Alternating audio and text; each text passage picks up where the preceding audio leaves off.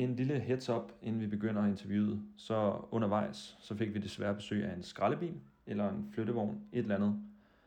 Øh, og det resulterede i noget baggrundsstøj. Og vi har prøvet at gøre alt, hvad vi overhovedet kan, for at fjerne den her baggrundsstøj, men der er stadig en lille smule tilbage af det. Så vi beklager rigtig meget, og håber, I stadig kan få mest muligt ud af episoden. Som handler om, og i virkeligheden paid forward, som jeres podcast hedder, det her med at have hjertet på det rette sted, det at tænke i win-win. Hvordan kan jeg skabe værdi for dig? På hvilken måde kan jeg være med til at løfte dig derhen, hvor du drømmer om? Det at hjælpe hinanden til noget på en hurtigere og bedre måde, hjælpe hinanden til at blive klogere og udvikle os. Og når vi har det perspektiv, at vi både er bevidste og strategiske og har hjertet med, og så det sidste element i modellen, at vi også tør flytte fødderne. Man kan ikke tænke sig til et stærkt netværk.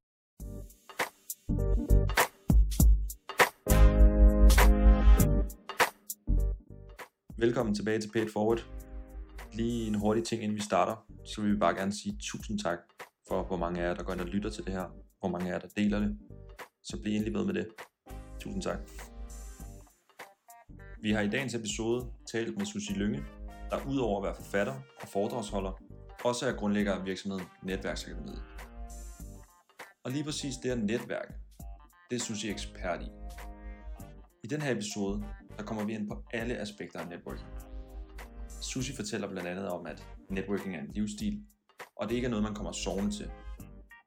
Men hvis man gider investere tiden i det, så kan det give nogle helt fantastiske resultater. Vi kommer også ind på, hvad er networking, hvordan gør man, hvorfor skal man gøre det, og hvornår og hvor skal man starte.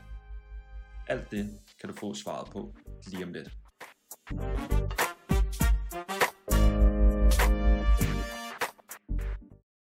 Sushi, hvis øh, vi lige skal starte, så lige for at give vores lyttere lidt, øh, lidt baggrund på dig, kan du så ikke prøve at fortælle om, hvordan du ender med at arbejde for Netværksakademiet? Du behøver ikke gå helt tilbage, men, men måske hvad du har lavet de sidste 5-10 år, hvor det sådan giver mening at starte?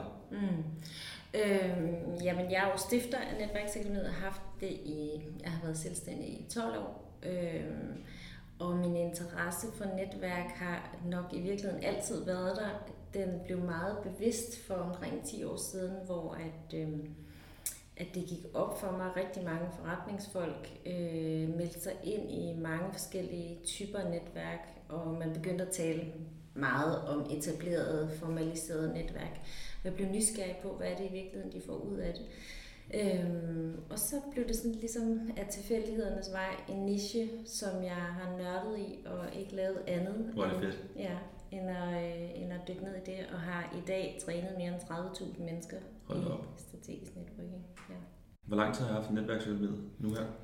Jamen, jeg har været selvstændig i 12 år. De første par år, tror jeg, de første to år, der hed det virkelig bare Lønge. Så dannede vi netværksakademiet. Og, øh, og øh, ja, har, det har sådan udviklet sig derfra. Oprindeligt sådan inden, at jeg er erhvervscoach, har været ansat på et stort konferencested for finansfolk. Og trænet øh, finansfolk i personlig gennemslagskraft og coaching og ja, sådan noget. Ikke? Nu siger du, at du får en interesse for networking. Mm-hmm. Kan du sådan huske dagen? Er det sådan en dag, hvor det går op for dig, sådan, det her vil du gerne arbejde med, eller er det noget, der sådan kommer løbende, at du begynder at lægge mærke til nogle ting? Eller? Nej, det var faktisk en helt specifik dag. Jeg blev inviteret til et stort netværksarrangement øh, hos et stort dansk netværk. Og, øh, og til det arrangement, der gik jeg rundt og øh, var så nysgerrig spurgte de her mange øh, folk i jakkesæt, hvad de fik ud af det, og hvad de synes var spændende ved at være med i sådan et formaliseret netværk. Og så gik det op for mig, at de alle sammen synes, de fik rigtig meget ud af det, og at deres forretninger fik rigtig meget ud af det, men at de samtidig også synes, det var svært. Så der gik noget igen med alle de her mænd, jeg talte med. Det var sådan udbredt rigtig mange mænd, der øh, ja.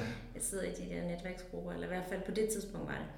Øhm, og mange af dem synes, at de var i tvivl om, får jeg nok ud af det i forhold til den tid, jeg bruger på det? Øh, hvad kan jeg i virkeligheden tillade mig? Øh, hvad kan jeg ikke tillade mig? Øh, styrker det min karriere? Og, øh, og hvordan viden deler man på tværs af forskellige brancher og sådan noget. Så jeg synes, der var nogle ting, der gik igen, og det gjorde mig nysgerrig. Og nysgerrighed plejer at være en god øh, sådan, øh, driver ind i nye ting for mig i hvert fald.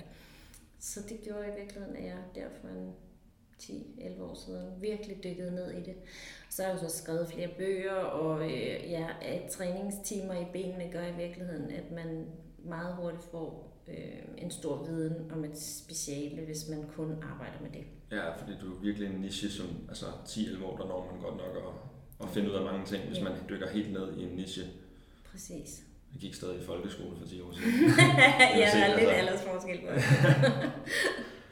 øhm, Hvis vi lige skal bruge til dem, der lytter, så øhm, tit når Jonathan og jeg vi snakker om networking, så kan folk nogle gange godt hurtigt stå af. Øhm, så hvis vi skal prøve måske at sætte lidt mere sådan sexet ord hvis man kan sige det på, på networking. Hvad, hvad er networking? Hvad er din definition af networking? Ja, for mig der handler strategisk networking om tre ting. Der er tre elementer i det. Der er selvfølgelig det strategiske, det bevidste, det at være, øh, altså ture have en plan med sit relationsarbejde. Og det er tit det, folk stiger af på, at de bliver nervøse for, at det ikke meget kalkuleret og beregnende. Og så har Sådan lidt koldt. Ja, lidt koldt ikke? Ja. og kynisk.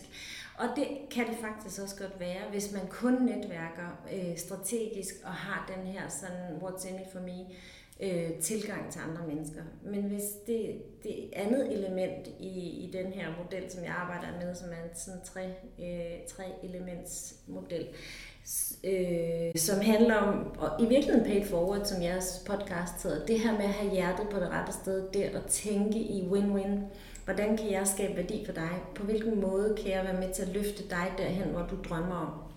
Så man kan sige, at networking for mig handler grundlæggende om, at sammen er vi stærkere.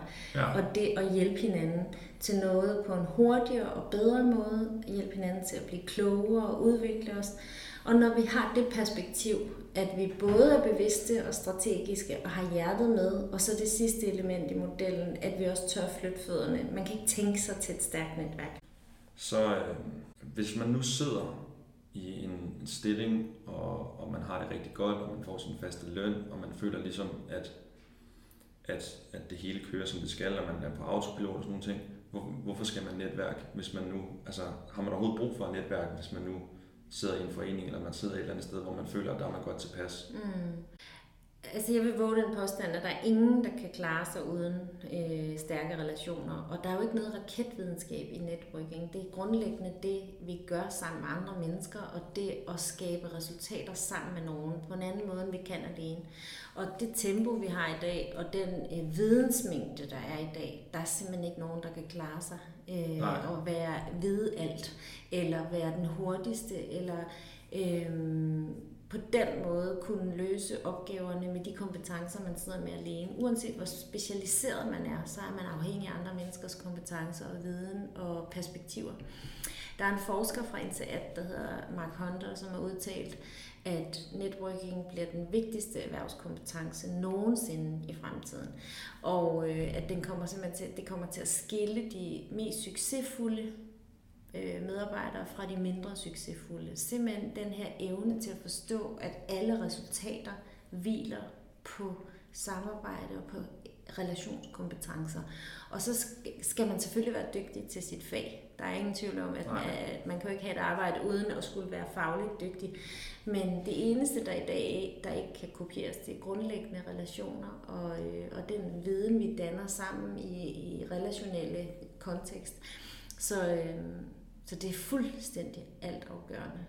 Jeg tænker virkelig også, at han, han siger det her, fordi at, altså, teknologi, alle de her ting, man kan gøre så hurtigt. En gang der var det jo raketvidenskab, hvis man skulle oprette et CVR-nummer for eksempel. Altså alle de her ting, man kan gøre hurtigt, det gør også, at man bliver nødt til at søge nogle andre veje hen, for ligesom at styrke sine kompetencer. Og det kan man ved at kende nogle mennesker. Lige præcis. Og, og have nogle relationer at trække på nogle andre menneskers hjælp. Øhm, så det at både lave den her paid forward tankegang, og det at sørge for at bidrage, sådan så man også får opbygget et stærkt netværk, der netop har lyst til at, at øh, hjælpe og øh, at bidrage, når du står i en situation, hvor du har brug for det. Ikke? Uh. Nu, nu skal vi nok lige vende tilbage til det her med erhvervsnetværking og hvad det kan gøre på ens arbejdsplads. Men hvis der sidder nogen derude nu, øhm, som måske tænker, at jeg, jeg går på gymnasiet, eller øh, jeg, jeg er ikke startet et sted endnu, kan man bruge networking uden for arbejdspladsen? Mm. Altså kan man, hvad kan man bruge networking til mm. der? Men for mig er det jo en måde at leve på, en måde at være på, som gælder alt i livet. Ja. Øh, jeg synes, det er ærgerligt, hvis man øh, indsnæver det til, at det kun skal handle om et arbejde, eller handle om kunder, eller Øhm, så man kan jo både bruge det til at finde den rigtige lejlighed, som vi to lige snakkede om, inden, ja. inden øh, podcasten startede. Men også, man kan også bruge det til at finde den rigtige kæreste. Jeg har masser af eksempler på nogen, som har, som har fået tippet, hende der skal du møde, eller ham der, han vil være rigtig til dig. Så rigtig tit, så handler det jo faktisk om, at, øh, at at vi har masser af netværksmuligheder og masser af ting, vi kan få ud af vores netværk, som ligger lige for snøden af os. Vi skal bare kunne se det. Vi skal kunne se, at det i virkeligheden er det, det handler om. Den bedste, det bedste tip til den ferie, du skal på, eller øh, jeg bruger det selv rigtig meget i forhold til, jeg læser meget, og ja. i mine ferier læser jeg virkelig meget. Så øh, jeg plejer at skrive ud til mit netværk, hvad er de bedste 10 bøger, jeg skal læse i sommerferien. Øh, og så får jeg jo sådan en fuldstændig vild liste øh, og plukker, så der er ikke nogen grund til selv at skulle stå nede i boghandlerne eller på biblioteket og begynde at lede, fordi jeg har et netværk, som jeg ved kan lide nogle af de samme ting, som, som jeg kan, eller også udfordre mit perspektiv ja. øh, og få mig til at læse noget, jeg ikke plejer selv at ville læse.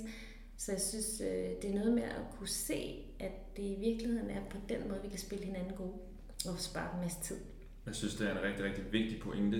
Øh, tit når vi er ude hos folk og snakker omkring networking, så forbinder folk jo til networking med LinkedIn. Mm-hmm. Mm-hmm. Og LinkedIn er jo en, en virkelig, virkelig god platform mm-hmm. til det, den kan. Mm-hmm. Øh, men det, for, det forbinder også bare networking med, at det kun er noget, man skal gøre, hvis man skal styrke sin karriere, eller hvis man gerne vil fremad i livet, eller, og det faktisk kun er for nogle mennesker, som, som vil fremad. Altså, mm-hmm. Hvor jeg synes, det er dejligt også at høre dig sige med din erfaring, at networking er altså også noget, man bruger uden for arbejdspladsen.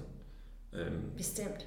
Og altså grundlæggende tænker jeg, at man skal se sig selv, uanset om man er studerende, eller man er vice president, eller man har siddet som øh, rådgiver i en ingeniørvirksomhed, eller hvad man nu laver, så skal man jo se sig selv som en, som en helhed, så man er både en privatperson og, øh, og en faglighed, og, øh, og i virkeligheden så er relationer rundt om os noget, der kan påvirke det hele.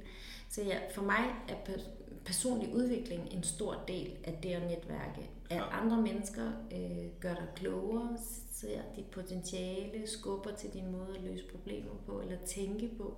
Og det er jo både, når du er privat med udfordringer, eller ting i forhold til dit privatliv, måde at håndtere ting på. Det er også arbejdsmæssigt. Hvis man nu sidder, nu snakker vi om før, at hvis man sidder på gymnasiet, og man, man er måske lidt ung, og man tænker, hvad kan jeg bruge networking til? Hvis man så sidder og hører podcasten nu og tænker, jeg er blevet overbevist om, at jeg skal i gang med network, hvordan, hvordan starter man så? Ja, altså man starter med at anerkende, at alle mennesker netværker, uanset hvor gamle de er, eller øh, ja. hvor unge de er. Så start med at lægge mærke til, hvad er det, jeg allerede gør i dag, som jeg måske ikke var så bevidst om. Det første element i den der tre ja. øh, elementsmodel. Øhm, så bevidstheden for øje på, når jeg er sammen med andre mennesker, hvad virker så? Hvad er det, der gør, at de får lyst til at øh, samarbejde med mig, eller hjælpe mig, eller øh, får lyst til at være sammen med mig? Når man begynder at kortlægge sine egne styrker der, øh, så begynder det også at blive meget mere tydeligt, hvad kan man egentlig bruge dig til? Hvorfor skulle man netværke med dig? Fordi der er nogle elementer i det, du allerede gør, som virker. Øh, så det er det første, synes jeg, at man skal være øh, god til at kigge ind af og få øje på, hvem er jeg og hvad står jeg for. Så kan man med fordel begynde at kortlægge sine vigtigste kontakter. Og det er både, man skal tænke netværk som værende alle de relationer, vi møder øh, eller kender. Så det er jo både din familie og dine venner, og så er det folk på gymnasiet eller på dit studie, hvis du læser på CBS, eller hvor du nu læser hen Øh, og det er også mennesker, du har mødt i andre sammenhænge udenfor. Så begynd sådan at få en lille smule en fornemmelse af, hvem er det i virkeligheden, jeg kender. Man kan ikke kortlægge hele sit netværk, det, og det giver i virkeligheden heller ikke mening. Det er, det er ikke så relevant at sådan vide. Der er nogen, der sådan, når de skal i gang med netværk, så tænker de, så skal jeg kortlagt og vide præcis, hvem jeg kender, og hvad de laver, og hvem de kender. Ja. Det er ikke muligt. Man Nej. skal tænke det så meget dynamisk. Men der kan godt være en fordel i at begynde at tænke i, hvem er mine fem vigtigste hjælpere, eller ja. vigtigste, sådan, øh, det jeg plejer at kalde det, det er superkontakter, som, og der, har man, der kan man kortlægge sådan en 5-10 mennesker, som kan være nogen, som øh, hjælper dig til at udvikle dig personligt, altså sådan personlige løftestænger, mennesker, der inspirerer dig, som giver dig feedback, som du kan høre, og som du kan indoptage og ændre på, på din adfærd ud fra. Personlige løftestænger kan være nogen, som er tæt på. Det kan også være nogle lidt mere perifære relationer, Ja. som inspirerer dig, og som du ses med en gang imellem. Måske ikke så tit, men en gang imellem. Kortlæg dem, find ud af, hvad er det for en impact, de har på dig, øh, og hvordan kan du pleje at udvikle relationen til dem. Så er der faglige relationer, som i gymnasiet måske kunne være nogen, som bare er gode til at tillære sig ting, eller som er inspirerende i deres måde at studere på. Ja.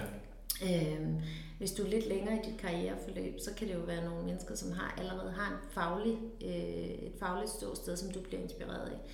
Dem har du også, og dem kan du kortlægge fuldstændig på samme måde som med de personlige løftestænger. Og den sidste, det er det, som jeg kalder connector. Det er mennesker med mange forbindelser. Og det kan være nogen, der er meget ældre end dig, Ja. som øh, kan hjælpe dig til en studieplads eller en praktikplads i New York, hvis du drømmer om det, eller en lejlighed, som vi talte om, eller et eller andet andet. Altså mennesker, som måske slet ikke laver det samme, som det du drømmer om at komme til at lave, øh, eller som er meget anderledes end dig, men som kender mange mennesker, og som er gavmilde og deler ud af deres kontakter. De er gode at have i ens netværk, og de er gode allerede også, mens man er studerende, i at tænke i, at dem skal have nogle flere af, fordi de åbner døre.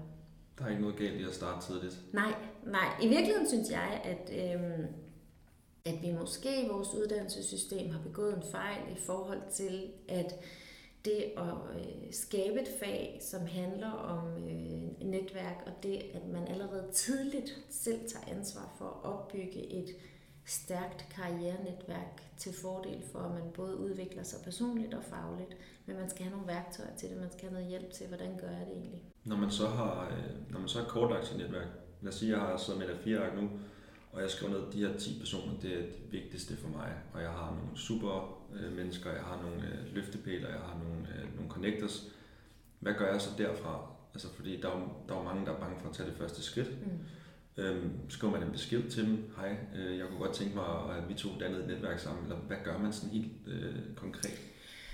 Øhm, altså de her mennesker, som jeg lige taler om med de her superkontakter, det er jo typisk mennesker, som vi allerede har en relation til. Den Ja. er måske ikke så stærk. Og det betyder, at så kan man begynde at tænke i, hvor ofte vil det være naturligt for mig at række ud, eller man kan begynde at tænke i at lave et lille system for en selv, sådan så man sikrer, at man mødes med de her mennesker med nogenlunde en eller anden form for interval. Og det behøver ikke at være ofte, det kan være en gang hver tredje måned eller et eller andet.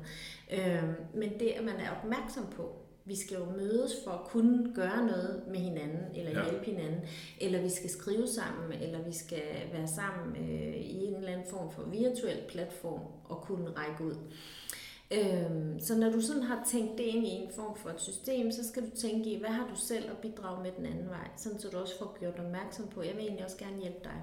Ja. Øhm, og så kan man sagtens tage kontakt øh, og sige, det er længe siden, jeg, jeg vil rigtig gerne ses, eller jeg, jeg har tænkt på, at du kunne være den rigtige og spare med om det her projekt. Øh, har du lyst til, at vi mødes, og, øh, og du hjælper mig med det. Som regel er det en god idé at have en ret konkret ting, man gerne vil mødes om. Øh, jeg bliver selv lidt træt over mange henvendelser, som går på, øh, skal vi ikke mødes og lære hinanden endnu bedre at kende, fordi det kan være, at vi kan bruge hinanden til noget. Øh, altså, jeg vil egentlig hellere kontaktes med noget, der er ret konkret, Ja. som øh, jeg synes, du er en spændende profil. Jeg kunne rigtig godt tænke mig øh, noget sparring på det her projekt, og jeg tror, du vil være den rigtige til at hjælpe mig. Og så mødes man, og så lærer man jo hinanden bedre at kende. Men Ja. så er det omkring noget, der er ret konkret. Og det bliver også nemmere, at hvis man ikke har tid, så kan man vælge at sende vedkommende videre til en anden kontakt, fordi man ved, hvad det er, vi skulle mødes om. Og det vil sige, at jeg kan finde en i mit netværk, der ville kunne hjælpe dig. Så hvis ikke jeg havde haft tid til den her podcast, så ville det være meget nemmere for mig, fordi jeg ved, at det var det, du gerne ville mødes om. Ja. Så ville jeg kunne sende dig videre til en i mit netværk, hvis ikke jeg havde muligheden for at hjælpe dig.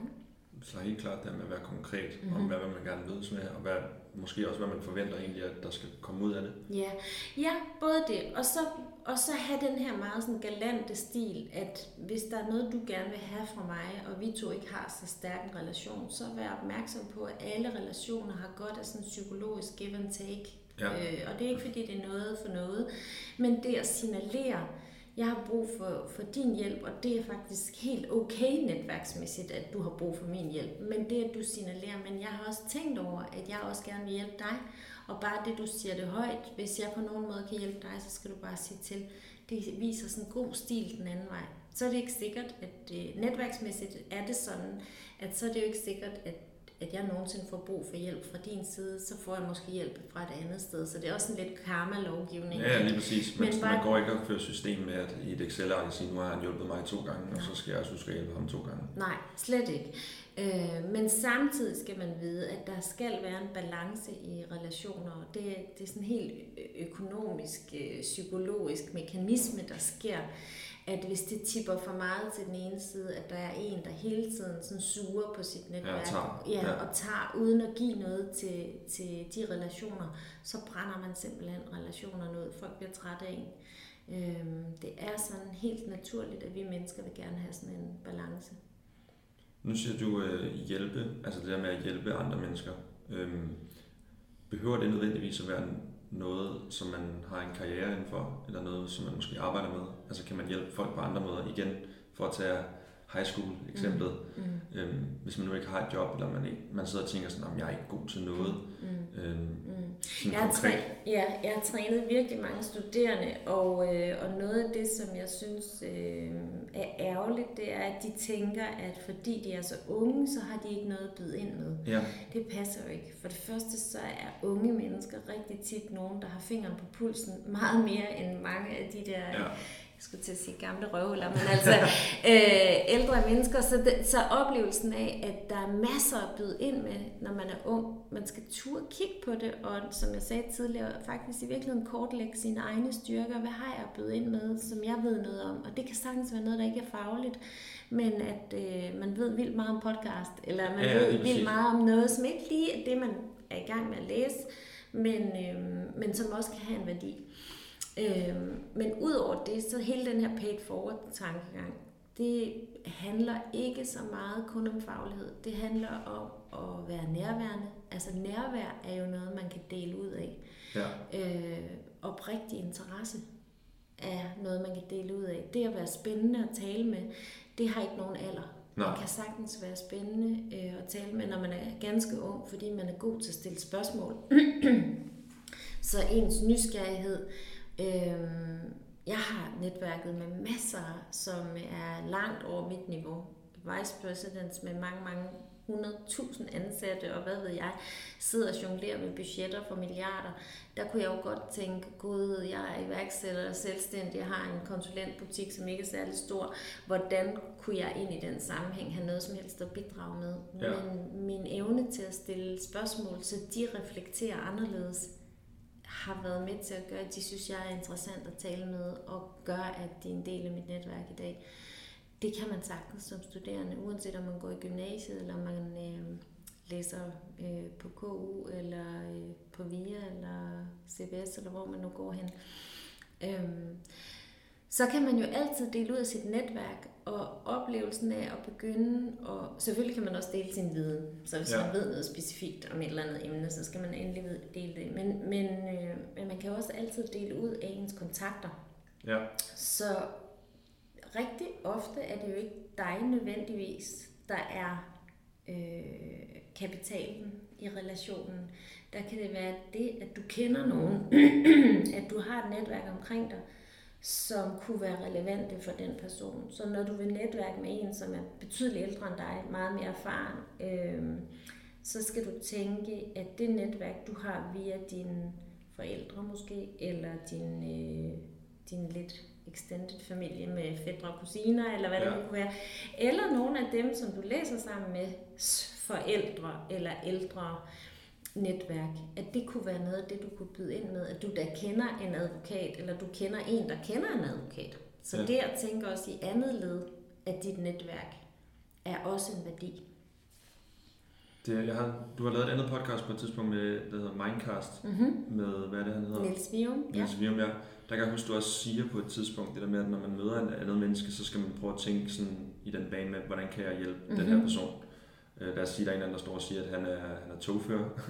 øhm, så kan man stå hurtigt, lige så snart man får det at vide, og tænke, okay, han er togfører, han arbejder her, har jeg nogle kontakter eller noget, der ligesom kunne bidrage til hans, øh, altså for at han kan komme videre med sin karriere. Lige præcis. Så i det hele taget at øve sig i at, at øh, være nysgerrig på, hvad er du optaget af, øh, hvad interesserer dig, hvad er det, du gerne vil lykkes med, og når jeg er optaget af det, så samtidig spørge mig selv, så når Mikkel fortæller mig de ting, han gør, hvad er det så, jeg kunne hjælpe ham med? Hvem kender jeg, der ved noget om det der? Eller øh, hvad ved jeg selv om det? Eller på hvilken måde kunne jeg gøre en forskel for dig? Så er der jo nogle gange, hvor man må erkende, det kan jeg ikke. Ja. Men så har jeg været interesseret, jeg har været nysgerrig, jeg har stillet spørgsmål til dig, som måske har gjort, at du tænker anderledes, end inden du mødte mig. Det er grundlæggende også det, man kan som gymnasieelev eller studerende, øhm, som tilbringer eller tilfører masser af værdi. Også tit bare det der med, at man har tid.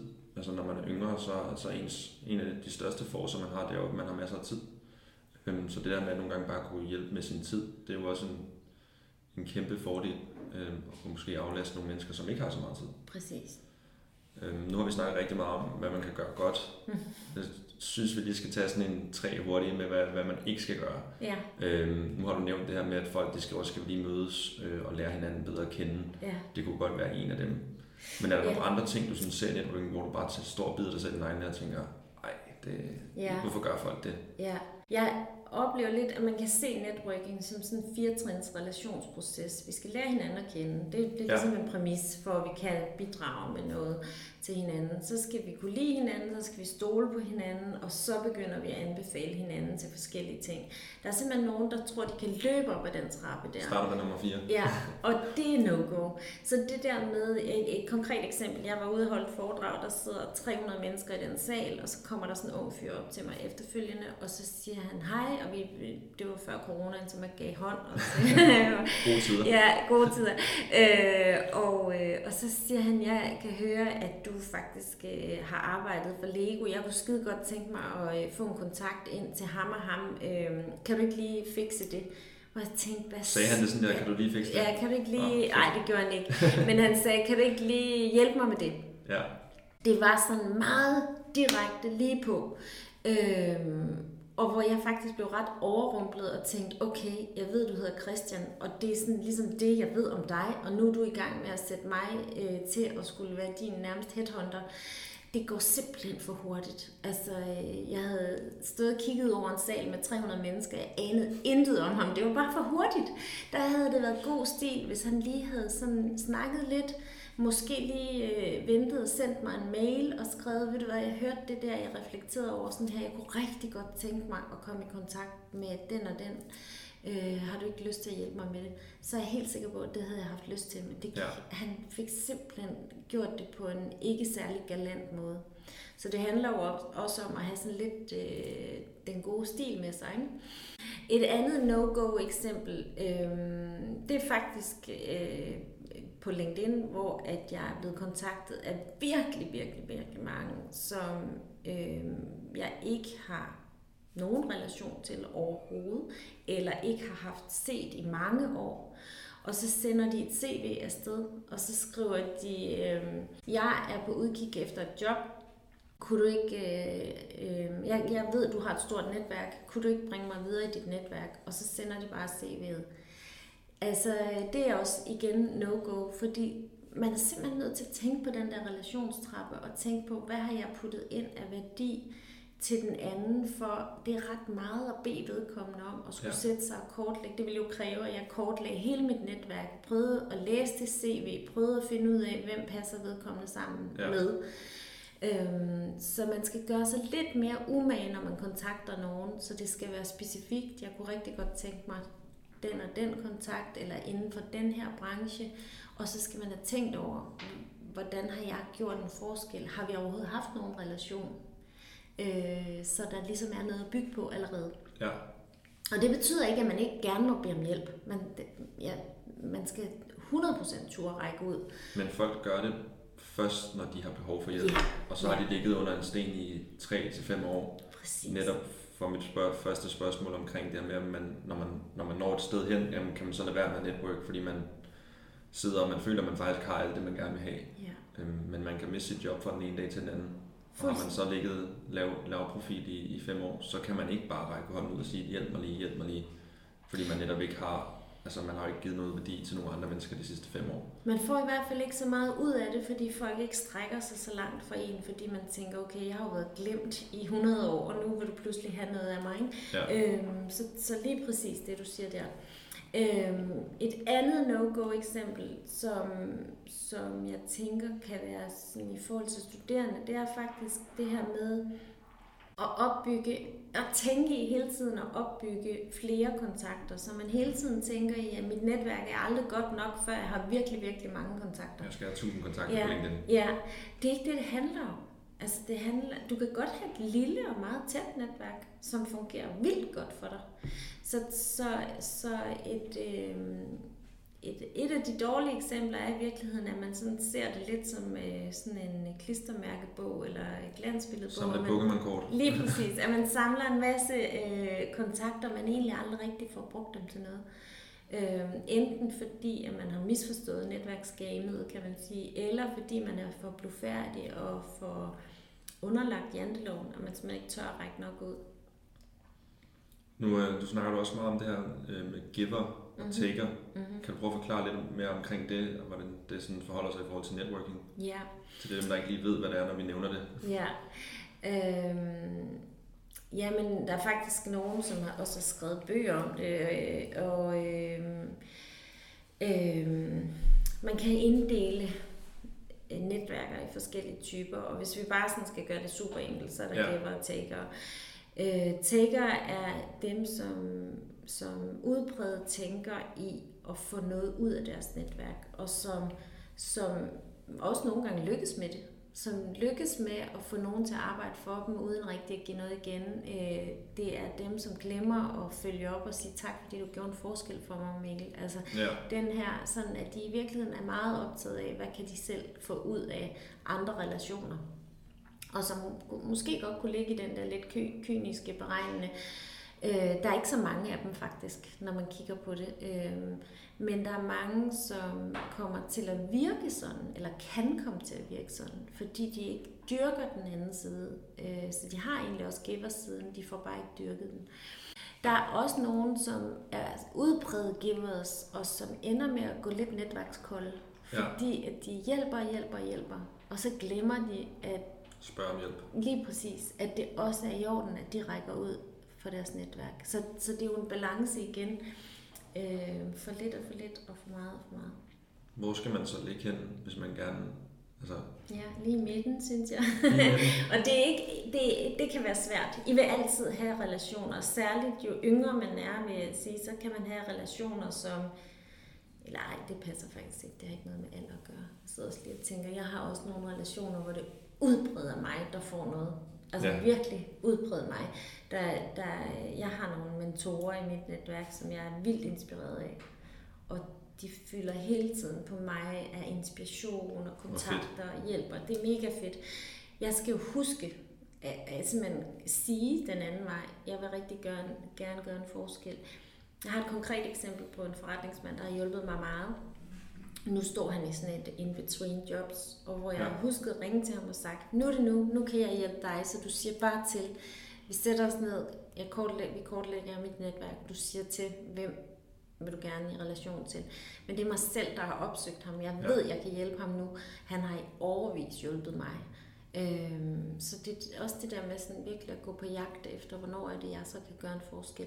Men man vil også, altså, ja, særligt som studerende, opleve, at at der er mennesker rundt omkring en, som løfter en karrieremæssigt, fordi man ja, gør sig fortjent til det. Det er, vi er bedre sammen, end man er alene. Altså mm. man kan bare så mange flere ting, hvis man, hvis man har et netværk. Ja. Og det går så meget hurtigere, ja. end hvis man bare er sig selv. Ja. For at gøre det ret konkret, nu spurgte du før, sådan, hvad gør man som studerende? Jeg synes, man skal sådan tænke i, man kan have sådan en køreplan i tre faser, som hedder før, under, efter. Ja. Så inden man skal til et eller andet arrangement på studiet, eller til et eller andet andet, en eller anden type arrangement, middag, eller hvad man nu skal til, så kan man tænke i, hvad er det for et indtryk, jeg gerne vil give andre mennesker? Hvad er det, jeg skal snakke om? Hvad er det for en lille præsentation, de skal have af mig? Man kan simpelthen forberede sig til det her arrangement eller, øh, eller møde. Ikke? Ja. Så under øh, arrangementet, så skal man selvfølgelig sætte sig selv i spil. Og så skal man gøre noget ved det, man havde tænkt sig, at man ville. Og hvis man er en genert type for eksempel, så skal man nedbryde øh, den der generthed ved at anerkende det, og man skal sådan tænke, okay, jeg skal ikke have talt med 50, men hvis jeg nu har talt med 3, så har jeg egentlig lavet et meget godt stykke arbejde. Ja. Og så skal man gøre det i den der underfase, så man flytter sig fra tanke til handling. Og så er der en efterfase, som er mindst lige så vigtig som de to andre faser. Det er simpelthen der, hvor man begynder at spørge sig selv bagefter, hvad gik godt? Hvor var jeg særlig stærk som netværker? Hvad skal jeg have fulgt op på? Er der nogen, jeg skal, de her tre, jeg snakkede med, skal jeg lige skrive til dem? Hvor var det hyggeligt at møde dig? Jeg håber, at vi mødes igen. Eller er der nogen, hvor jeg simpelthen skal række ud og sikre, at der kommer et møde i stand? Øhm, er, har jeg noget viden, jeg kunne dele med nogle af dem, jeg havde talt med, eller tippe dem et eller andet, som er paid forward tankegangen. Så før, under, efter, det er sådan en køreplan, man altid kan have i hovedet. Øhm, og når man, man kan også skrive den ned, og når man har øvet sig på det, så ligger det sådan helt naturligt for en. En ting, som jeg virkelig godt kunne tænke mig at vide, som jeg tror mange andre også godt kunne tænke sig at vide, det er sådan, hvordan man netværker på tværs af hierarkier. Øhm, nu igen for at tage de studerende som et eksempel, eller måske en, der går på CBS, øhm, hvis han står over for sit store idol, det kunne være en eller anden chef, der sidder i en stor stilling og tænker sådan, ham der kunne jeg godt tænke mig som mentor, eller godt tænke mig på en eller anden måde at komme i kontakt med ham og lære noget af ham. Hvordan kan man lave sådan en, en icebreaker? Ja, Altså, ja. Øhm, man skal altid respekt for, at når der er nogen, man har som et idol, så vil det være mennesker, som typisk har en karisma, som gør, at andre også har dem som idoler. Det Ja. vil sige, at de er tit sådan lidt ombejlede. Øh, så man kan jo få et nej, men Ja. man skal turde spørge alligevel. Så jeg tænker, hvis man har en direkte kontakt, så skal man skrue op for sit mod, og så skal man simpelthen sige, jeg synes, du er vildt inspirerende. Jeg, jeg har en drøm om at opnå at få dig som mentor. Øh, kunne, du- kunne du tænke dig det? Øh, det kunne være en direkte vej. ja, Men eftersom jeg arbejder med netværk, så vil jeg til enhver tid sige, at det er fornuftigt at bruge sit netværk inden. Så det, at man kortlægger, hvem kender den her person. Øhm, jeg har sådan et eksempel faktisk fra en, der gerne ville have Stine Bosse som, Ja. som øh, mentor. Og øh, hun sad faktisk, den her pige sad, eller kvinde sad i et netværk af sådan nogle unge talenter. Og, øh, og da jeg så siger til hende, jamen har du spurgt nogen her, om der er nogen, der kan hjælpe dig med at få en kontakt til Stine Bosse, for hun kendte hende ikke selv.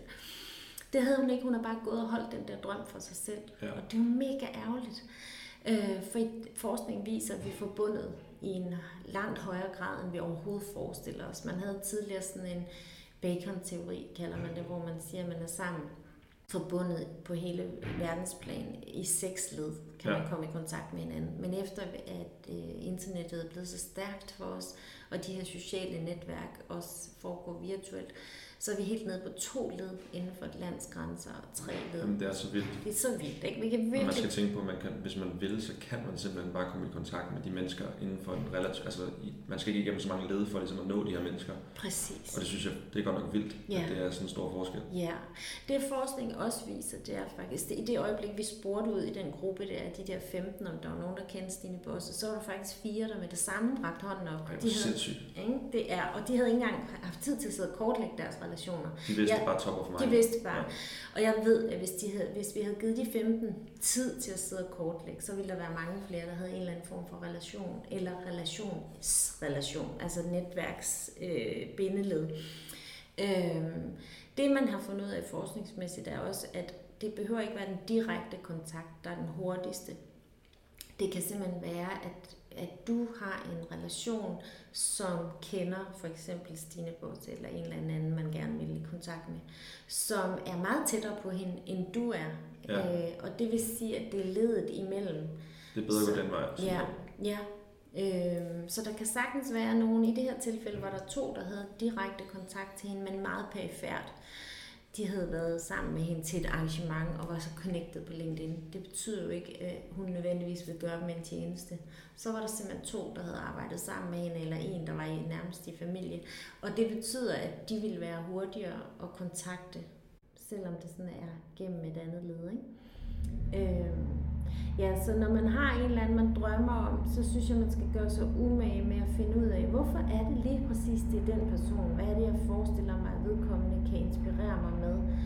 Øh, og så skal man øh, kortlægge, hvem kender jeg, der kunne hjælpe mig med at lægge en anbefaling ind. Fordi hvis jeg kender en, som du gerne vil i kontakt med, og han allerede har tillid til mig, så bærer jeg simpelthen dig ind via min tillid ja. og, og kan sige til den her person, Mikkel vil gerne tale med dig, og jeg synes, Mikkel er en rigtig god fyr, og jeg kan stå inden for ham, så øh, han er værd at lige give øh, to minutter. Det er jo ikke sikkert, at han vil prioritere det, bare fordi jeg siger det, Nej. men du er i hvert fald øh, 80% mere sandsynligt, øh, at, at døren bliver åbnet, end hvis du selv havde prøvet. Øh, så man kan gøre flere ting. Man kan kortlægge sit netværk og få dem til at lægge en anbefaling ind til den her person, man gerne vil, vil have som mentor, eller gerne vil have en eller anden form for snak øh, eller relation til. Og når der er flere forskellige måske, der har skrevet eller ringet eller kontaktet den her person og sagt, Mikkel er en skide god fyr, ham skal du snakke med, så kan man selv tage action. Ja. Man kan også bede en af dem om at spørge, om han vil tage en snak, og så kan du på den måde komme ind. Øhm, jeg har faktisk selv et eksempel. På et tidspunkt vil jeg meget gerne i kontakt med en bankdirektør. Jeg har lavet en masse for, for øh, bank, øh, banker og finansielle virksomheder. Og jeg havde en anden bankdirektør, jeg havde lavet en masse opgaver for, og spurgte, om han øh, kunne bygge en bro for mig til den her øh, bankdirektør. Det kunne han godt, og han havde lagt en rigtig god anbefaling ind. Så kontakter jeg ham her, Lars, og, øh, og vil rigtig gerne tale med ham. Og så tror han faktisk, at jeg kontakter ham for, at han kan komme til at sidde i en netværksgruppe. Det kunne man jo godt tænke, når Nå, ja, ja. man ringer fra Netværksakademiet. Øh, men jeg driver jo ikke netværksgrupper, jeg træner ledere og medarbejdere i det. Så han sagde med det samme nej tak, og var sådan rimelig øh, hurtig i telefonen, og jeg tænkte, hold da kæft, okay. Han troede, det var en telefonsælger, eller Lige præcis, han troede, jeg var telefonsælger, og, og, øh, og hvor jeg måtte sige, nå, men det er bare fordi, at... Øh, den og den har jeg jo anbefalet, og jeg vil rigtig gerne tale med dig. Og i det øjeblik, jeg nævnte min egen kontakts navn, og kunne sige, at det var faktisk ham, der havde øh, anbefalet, at jeg skulle kontakte Lars der, så siger han med det samme, Nå, det er dig, der er Susie. Undskyld, undskyld. Jeg troede, du var telefonsælger. Selvfølgelig, og så havde jeg et møde med det samme. Det var simpelthen ikke sket, hvis ikke jeg havde fået en anbefaling. Og for mig er det et eksempel, som egentlig viser meget godt, at døren havde været lukket, hvis ikke jeg havde haft det. Ja, så havde du ikke haft en chance. Overhovedet ikke. Men nu havde jeg en, jeg kunne nævne, at, øh, at han havde ligesom lagt en anbefaling ind. Og så var jeg jo top of mind med det samme, ikke? Det er så fedt, hvordan networking fungerer på den der måde. Altså, at, man, at vi bare kan det. Ja. Nu siger du også før det der med, at man sådan siger god for andre mennesker. Øhm, når man laver en introduktion, så vil man jo gerne have, at den person, som man introducerer for den person, hvis det er en rigtig god kontakt, man har selv, at man kan stå inden for den person. Ja, der siger du lige noget, man skal være opmærksom på. Der er mange, som tror, at man skal bære den andens faglighed. Ja. Så hvis jeg nu... Og netop det, jeg vil frem Ja, hvis jeg nu skal anbefale dig, så ved jeg jo i virkeligheden ikke, hvor dygtig du er inden for dit felt. Hvis nu du er øh, øh, revisor, så kan jeg jo ikke vide, jeg er jo ikke revisor, det vil sige, jeg ved ikke Nej. noget om den faglighed. Så en god måde at anbefale på er at sige, jeg kender Mikkel på den og den måde, han er for mig en rigtig god fyr, eller jeg har oplevelsen af, at han er øh, super spændende, og øh, jeg tror også, han har noget at byde på. Prøv lige at tjekke ham ud. Altså sådan, så du ikke kommer til at sige... Han er han den bedste revisor, eller han er sådan... Altså, lige præcis. Ja. Lad være med at tage ansvaret for andre menneskers faglighed. Og jeg oplever faktisk, at der er alt for mange, der, er, der holder sig tilbage fra at anbefale andre, fordi de netop tror, at gud, ja. så, så skal jeg jo stå inde for ham, og hvis han så er en kæmpe klovn og laver øh, et skide dårligt årsregnskab eller eller andet, ja. så, øh, så hænger jeg på det. Øh, man kan sagtens anbefale nogen, uden at stå inde for deres faglighed, men hvor man bare bringer folk sammen, og så må de finde ud af det derfra. Øh, så det er virkelig en rigtig god stil, og sådan ligesom sige, tjek ham lige selv ud, eller jeg ved det og det om ham, resten er op til jer selv. Nu har du også været, hvor lang tid var du i USA? Et år. Et år? Var det ikke det fedeste? Det var det fedeste. Ja, Kalifornien og surferliv, og ja, Ej, det var så godt. jeg vil slet ikke høre mere. Men det bliver vi nok nødt til alligevel. ja. Hvad hedder det? Der er jo virkelig stor forskel på, på hvordan amerikanere netværker, og hvordan danskere netværker. Eller i hvert fald, hvordan vi gør i Norden. Nu kan jeg ikke sige hele Norden, fordi jeg ikke kender det lige så godt, men jeg ved i hvert fald i Danmark, der er folk en lille smule reserveret. Også det, du siger med, at folk går og tænker meget over, sådan, hvis jeg laver en instruktion, og kan jeg tillade mig det, jeg kan jeg gøre det her. Hvor i, hvor i USA, der kan man jo lave fire nye øh, kontakter, bare ved at gå ned og handle. Ja. Øhm, hvis vi lige skulle prøve at se, er der, er der nogle ting, du synes, som, som man godt kunne tage fra USA, og så ligesom tage med til Danmark, som de er rigtig, rigtig gode til? Ja. Altså generelt så synes jeg, at de er ekstremt gode til den indledende dialog. Ja. Øh, de er simpelthen smilende. De, øh, den her lille gestus med, at de siger, how are you til ja. alle, det kan man godt i Danmark tænke er lidt overfladisk. Det er jo også en høflighedsfrase, som, som virkelig svarer til hej. Øh, den, ja, ja. Den, er, den er bare koblet med lidt mere, men der kommer ret meget dialog ud af det, fordi folk faktisk ender med at tale sammen og kigge hinanden i øjnene. Det synes jeg simpelthen, vi kan lære noget af. Den her sådan umiddelbare imødekommenhed og øh, gestus af, jeg gider dig godt. Hvis du gider mig, altså, så, så, er der, øh, så er der åben for en dialog. Øh, jeg, jeg synes, at danskere, øh, det var i hvert fald noget af det, der slog mig, da vi kom tilbage, og noget af det, som hele vores familie har savnet virkelig ja. meget, efter vi kom tilbage til Danmark, det er den her hjertevarme og op, sådan umiddelbar opmærksomhed. Øh, amerikanerne lover ikke hinanden, at man skal være allerbedste venner, bare fordi man har stået og faldet i snak, og som du siger, man kan gå ned og handle og få fire kontakter. De lover sådan set ikke dybe relationer, Nej. men de hjælper hinanden med de der kontakter, og er meget hurtige til at sådan finde ud af, okay, hvad interesserer du dig for? Og så deler de kontakter ud. Så den der gavmildhed af, Nå, så skal du da snakke med ham der, eller hende der, øh, de, de bærer slet ikke fagligheden på den måde, som, som vi tror, vi skal i Danmark. Øhm, de er meget hurtigere til at hjælpe hinanden videre. Jeg tror også, at det er en præmis, at de godt ved, i USA ved man godt, at øh, skal du frem, så handler det simpelthen om, at du skal kende de rigtige mennesker. Øh, og den præmis, den, øh, den køber man ind på, og det betyder også, at man deler også hurtigere ud af nogen nu er USA jo rigtig stort, og det er selvfølgelig er Kalifornien også et sted, hvor der er mange mennesker, der gerne vil frem. Ja. jeg har også været mange andre steder i USA, og jeg føler, at det er sådan en ting, de får ind med modermælken. Det tror jeg også. Altså alle er bare, har en eller anden, altså de har et højt bundniveau i forhold til at være gode til at netværke, hvis man kan sige det sådan. Ja. Øhm, og, og det, det er noget, som de får ind, og der er noget kulturelt i det, at man ikke har et sikkerhedsnet, som man har i Danmark. Det vil sige, at man godt ved, at man skal hjælpe hinanden, eller man skal hjælpe sig selv til at hjælpe øh, sig til et godt liv, eller ja. hvad man kan sige. Ikke? Øhm, så det tror jeg, du har helt ret i, at det, det får de ind, og det kunne vi måske godt øh, lade os inspirere af i Danmark, selvom at, at vi har fået noget andet ind med modermælken. Og det, der er en masse andre ting, som, som amerikanerne kan lære danskerne. Jeg tror, vi er ved at være øh, deroppe af med tiden. Men godt. lige her øh, til sidst, nu er det corona, det er op over det hele og sådan noget. Hvis man gerne vil netværke nu her, hvor man ikke kan komme ud til lidt større forsamlinger, og man gerne vil i kontakt med mennesker og sådan noget, hvad, hvad kan man gøre ja. hjemmefra? Ja. Øhm, altså de sociale platforme er jo vildt gode. I har jo selv en, som, Ja. jeg, som jeg vil opfordre til, at man tjekker ud. Øh, det at sørge for at connecte med nogen, øh, uanset hvor man er henne i sine sociale... Rigtig mange studerende er ikke så meget på LinkedIn, men så har de nogle andre platforme, som giver mening for dem. Sørg for at række ud, del viden, vær gavmild.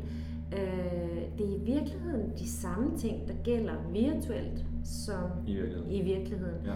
Øh, så den her gode stil, den her opmærksomhed, nysgerrighed, øh, det at tænke i paid forward, den gælder lige så meget i de virtuelle netværk, som det gør udenfor.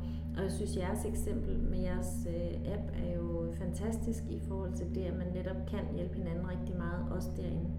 Det er jeg glad for, at du synes. Så øh, ja, så det er i virkeligheden bare en, en opfordring til at tænke det i, i, i alle mulige sammenhænge af ens liv. Så har vi til sidst i alle vores podcast, der har vi jo, fordi vi hedder Paid Forward, så har vi sådan en, vi vil også gerne hjælpe dig, vi vil også gerne hjælpe dig med at sprede øh, dine budskaber.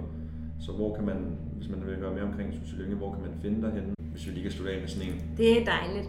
Øh, man kan skrive sig op til vores nyhedsbrev inde på vores hjemmeside, netværksakademiet.dk. Det smider vi også lige ned i øh, bioen, så man kan få det direkte. Ja, øh, man kan følge mig på Instagram, Facebook, LinkedIn. LinkedIn er jeg meget aktiv på. Det er ikke sikkert, man er det på som studerende, men så join øh, nogle af de andre platforme. Øh, nyhedsbrevet, der deler jeg rigtig meget ud gratis. Øh, man kan få en gratis e-bog, som i virkeligheden er 10 trin til det at blive en bedre netværker, som Fedt. bygger på den bog, eller en af de bøger, jeg har skrevet. Cool. Tak fordi vi måtte komme. Det var en fornøjelse. En time, den går godt nok hurtigt. Det gør det. Det var, øh, det var dejligt at tale med dig. Tak for det.